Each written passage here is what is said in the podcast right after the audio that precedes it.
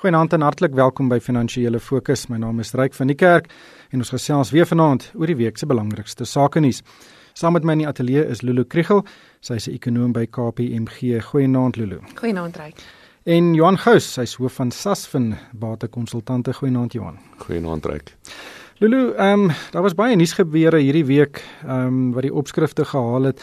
Maar ek dink nie die die goeie ekonomiese groei syfers wat bekend gemaak is hierdie nodige ligtheid gekry nie.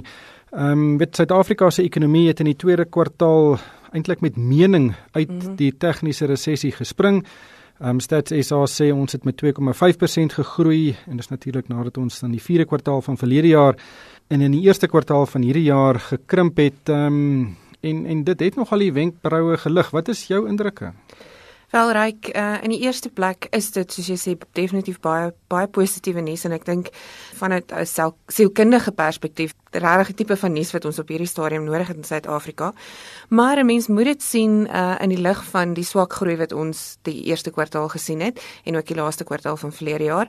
So uh, die derde kwartaal gaan regtig vir ons belangrik wees om te wys of hierdie tendens werklik volhoubaar is en of dit so 'n bietjie van 'n net eenvoudig 'n uh, basiseffekte is soos die statistici sê uh, wat veroorsaak het dat ons is waar ons is. Hoe dit ook al sê, um, ek dink die, die belangrikste is uh, dat dit hopelik 'n bietjie beleggersvertroue, verbruikersvertroue, uh, besigheidsvertroue positief sal beïnvloed en uh, ek hoop dat dit uh, die belangrikste is wat ons daai sal kry. Johan, jou indrukke? Ja, ek weet as ons net gaan kyk, dit is as dit op 'n jaar op jaar basis daarna kyk, dan is dit 1.1% se groei jaar op jaar en ook oor 6 maande eintlik 1.1% se groei.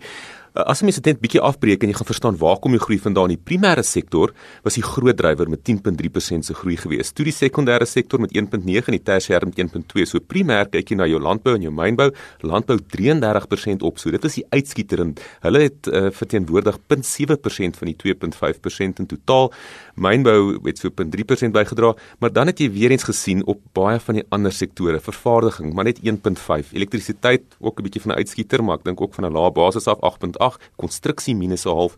In die tersiêre sektor het die handel gehad 0.6, vervoer 2.2 en in finansies uh, eh, 2.5, maar die regering self minus 0.6% en ek dink die een ding wat my bietjie pla is die vaste kapitaalinvestering was minus 2.6% gewees teenoor die eerste kwartaal se positiewe 1.3% so dit sê nog steeds vir my besigheidsvertroue baie swak. Ons weet besigheidsvertroue het nou uitgekom as die laagste sedert 1985 as ons nie kapitaalinvestering doen nie kan ons nie ons infrastruktuur bou nie ons kan nie kapasiteit bou nie ons produktiwiteit is nie daar nie en ons kompetitiwiteit is dan nie daar nie ja daai kapitaalbeleggingssyfer wat jy genoem het is natuurlik beleggings deur die staat en in die private sektor in produktiewe bates eh, soos masjiene en toerusting en en geboue en dis meer.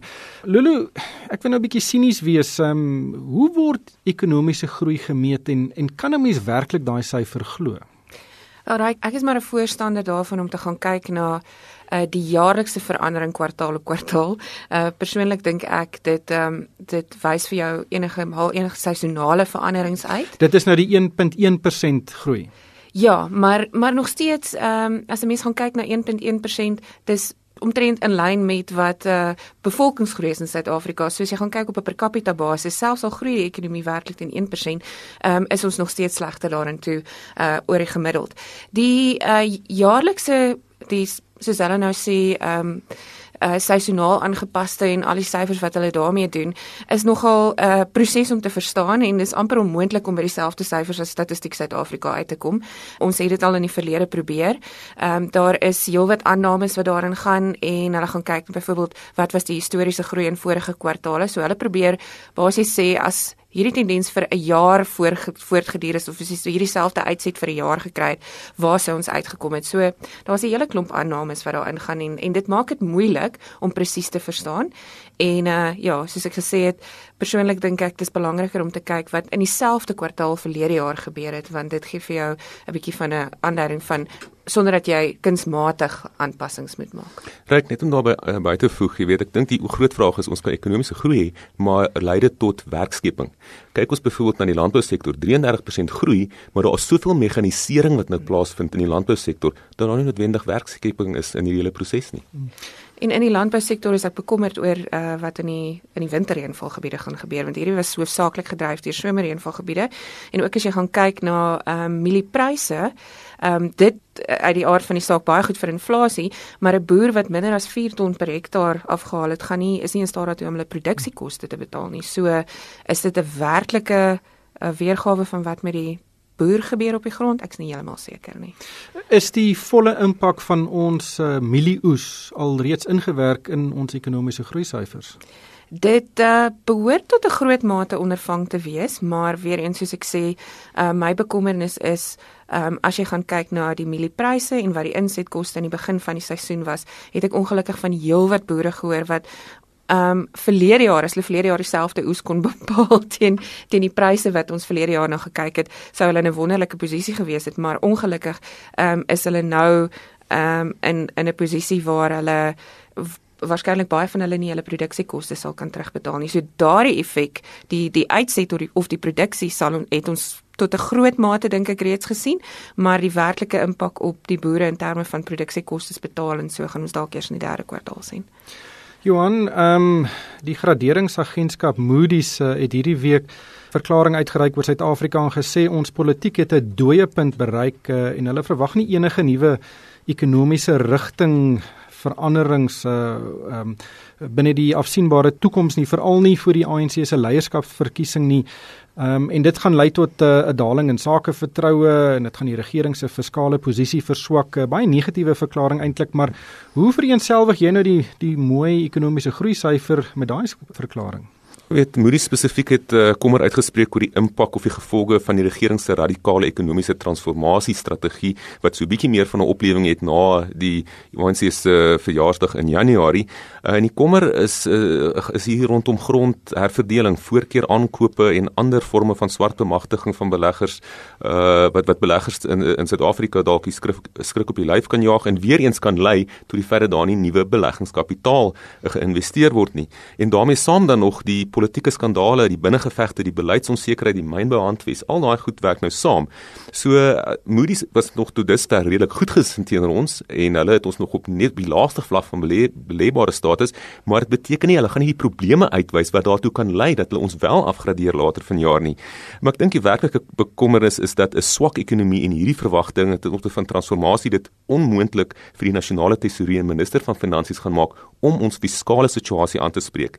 En die regering gaan onder meer druk kom in 'n swak ekonomie met groot werkloosheid wat nou op 27.7% staan en besig is om te styg en stygende armoede om uh, sekere populistiese besluite te neem en sosiale spandering toe te pas.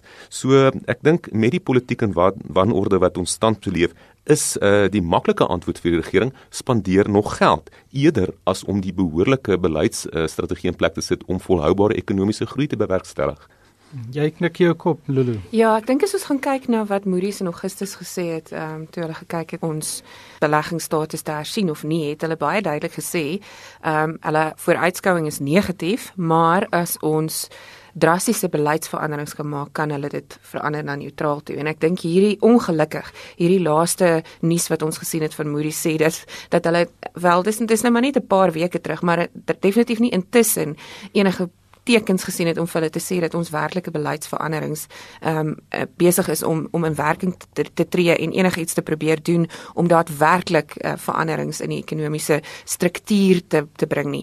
Ek dink die belangrikste is dat ehm um, hulle hulle kyk na die langtermynstruktuur van die ekonomie en ja, hierdie groei syfers wat ons nou gesien het is goed en is goeie nuus, maar dis nie daadwerklik langtermynveranderings wat Suid-Afrika se groei traject uh, oor die volgende paar jaar drasties gaan verander nie. Maar as ek nou 'n laaste vraag oor die ekonomie kan vra is uh, as jy nou in 'n helikopter klim en jy styg tot 'n baie hoë hoogte en jy kyk af op Suid-Afrika, hoe sal jy Suid-Afrika se ekonomie beskryf um, in die konteks van die inligting wat ons nou hierdie week uh, gesien en gehoor het? Ek dink ons sit met 'n probleem dat ons langtermyn strukturele probleme het wat ons sal moet aanspreek. Johan het reeds gepraat oor werkloosheid en die tipe werkloosheid waarmee ons sit is nie iets wat oor 'n korttermyn periode veroorsaak is byvoorbeeld deur ehm, 'n um, industrie wat swaar gekry het en nou verander dit en daardie mense kan weer werk kry nie. Dis 'n geval van uh die ekonomie is nie gestruktureer om werk te skep vir daardie spesifieke tipes persone nie. So ons sit met met twee kante waarna ons moet kyk. Aan die een kant moet ons kyk na 'n wêreldekonomie wat besig is om te verander, wat be besig is om al hoe meer gemekaniseer te raak en arbeid wat wat heeltemal verander. So ons ons moet ons jonger mense oplei om te reageer daarop, maar intussen sit ons met uh 4, 5 miljoen mense uh wat wat opgegee het om werk te soek en um, en ek dink is dit 8 miljoen nou wat uh wat werkloos is en die groot gedeelte van hulle is halfgeskoolde uh, en ongeskoolde arbeid en ons ekonomie is net nie gestruktureer om dit te absorbeer nie. So ons moet op twee maniere ons werkloosheidsprobleem aanspreek. Langtermyn in terme van tegnologiese veranderings, maar ook oor die korttermyn is hoe skep ons werk vir hierdie mense uh, wat en en dit is sektore soos mynbou, vervaardiging, landbou uh, waar dinge moeilik gaan op die oomblik. So die vooruitsigte is nie te positief nie. Johan, ehm um, Nog 'n bietjie goeie nuus behalwe nou uh, die 2.5% syfer is die rand het uh, taamlik sy kop gelig, miskien grootliks vanweë 'n swakker dollar.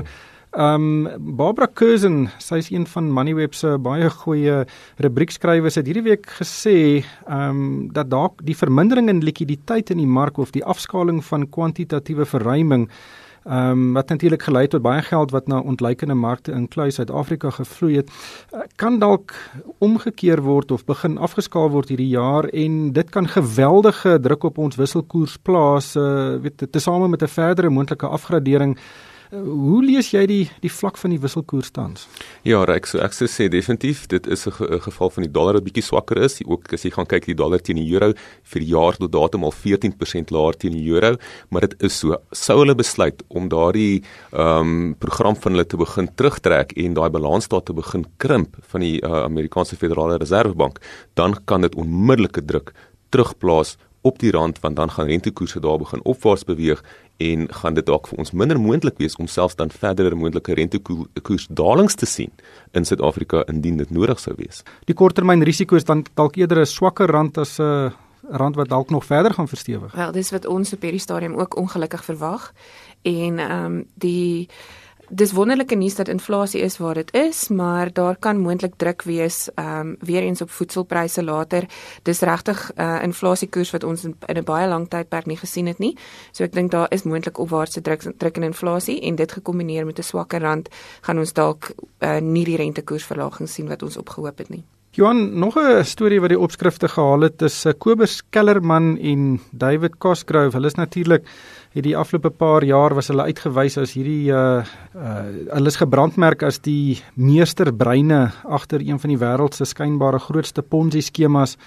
Uh maar nou het daar 'n uh, verslag of 'n besluit deur die Guernsey se finansiële dienste kommissie gekom wat sê hulle gaan nie voort by die ondersoek nie.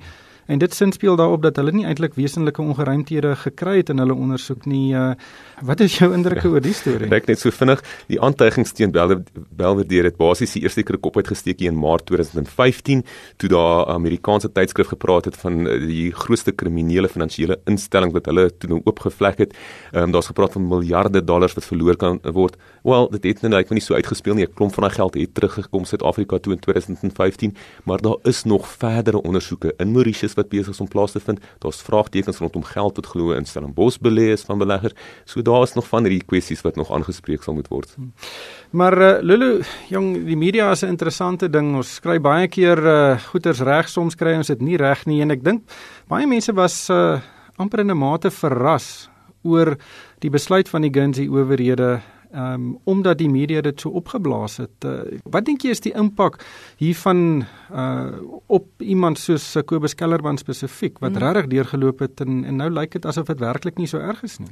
Ja, dis uh, dis ek kan verstaan dat mense uh as mens gaan kyk na wat die laaste paar jare in die finansiële dienste sektor gebeur het, uh weet werklik kwaad is oor baie van die dinge wat ons gesien het en wat nie 100% verloop het soos wat ons gedink het nie. So ons het gesien dat uh Oralster is daar baie strenger regulasies in plek en tree owerhede baie strenger op. En dit is 'n tendens wat ons die laaste paar jaar gesien het. Maar ek dink 'n mens moet versigtig wees oor wat die resultate van so iets kan wees. As jy nie eers al die feite het nie. Soos jy gesê het, vir alles so iets vir jare aan uh jy weet voortduur soos in hierdie geval, het dit vir 'n hele paar jaar voortgeduur en kan dit regtig skade doen aan 'n besigheid. So wanneer so ondersoek geloods word, sou ek sê, jy weet ek dink uh, regtig owerhede moet probeer om dit so vinnig as moontlik af te handel en by die punt uit te kom en te sê, goed, ons het dit ons het iets beter of nee, ons het nie. Ehm um, 'n mens moet seker hmm. optree en gaan kyk wat aangaan, maar ja, vir my is dit die belangrikste dat so iets so vinnig as moontlik afgehandel word sodat dit die minste moontlike skade kan doen. Ja, daar is uh, nog 'n hele paar weet vraagtekens soos uh, Johan gesê, daar is nog 'n ondersoek in Mauritius Ehm um, en uh, maar jy sê die daai maatskappy het skade gely. Al daai maatskappye is basies toegemaak mm. as fondse gesluit. Ehm um, daar's geweldige skade aangerig. Ja. Maar hooplik kan Mauritius uh, binnekort ook uh, uit weet 'n uh, beslissing maak. Johan het laastens um, ons het hierdie week die notering gesien van Patrice Motsepe se African Rainbow Capital. Johan van Sail, voormalige hoof van Sanlam is natuurlik die uitvoerende hoof. Ehm um, en dis 'n beleggersbeheermaatskappy wat baie soortgelyk is aan die struktuur van Berkshire Hathaway van Warren Buffett. Uh Johan, hoekom is daar so belangstelling in hierdie maatskappy? Ryk ek dink baie mense wil wel betrokke raak by die beleggingstema van swart bemagtiging, maar hulle wil dit doen op 'n ba basis waarop hulle gemaklik is daarmee. Ek dink hierdie hele model van van African Rainbow Capital Investments sê vir jou dit is 'n model waar hulle gaan en hulle gaan bekom 'n uh, basis aandelehouding in sekere maatskappye maatskappye teen 'n sekere goeie prys, hulle bemagtig daai maatskappye, hulle hulle skep dan geleenthede uh, waar daar dan groei uitkom en dan is hulle ook aktief self betrokke by van die beleggings. En die mense waarvan ons hier praat is kundige mense wat betrokke is by beleggings in die, in die vorm van Johan van der Merwe ensovoorts. So ek dink hierdie is net 'n baie unieke beleggingsgeleentheid waar beleggers blootstelling kan kry aan Alexander Forbes, um, Afrocentric Health, die Afrimat, die Elandsfonteins, al daai maatskappye, um, maar waar uh, dit uh, dan gedoen word onder die hele sambreel van swart bemagtiging en waar dit gedoen word op 'n manier waar dit gaan oor die winsgewendheid van hierdie maatskappye. Ons gaan uh, daai aandeel verseker dophou. Ongelukkig het die tyd ons ingehaal. Baie dankie aan Lulu Kriegel van KPMG en Johan Gous van Sasfin Bate Konsultante. En van my ryk van die kerk, dankie vir die saamluister en ek hoop almal het 'n winsgewende week.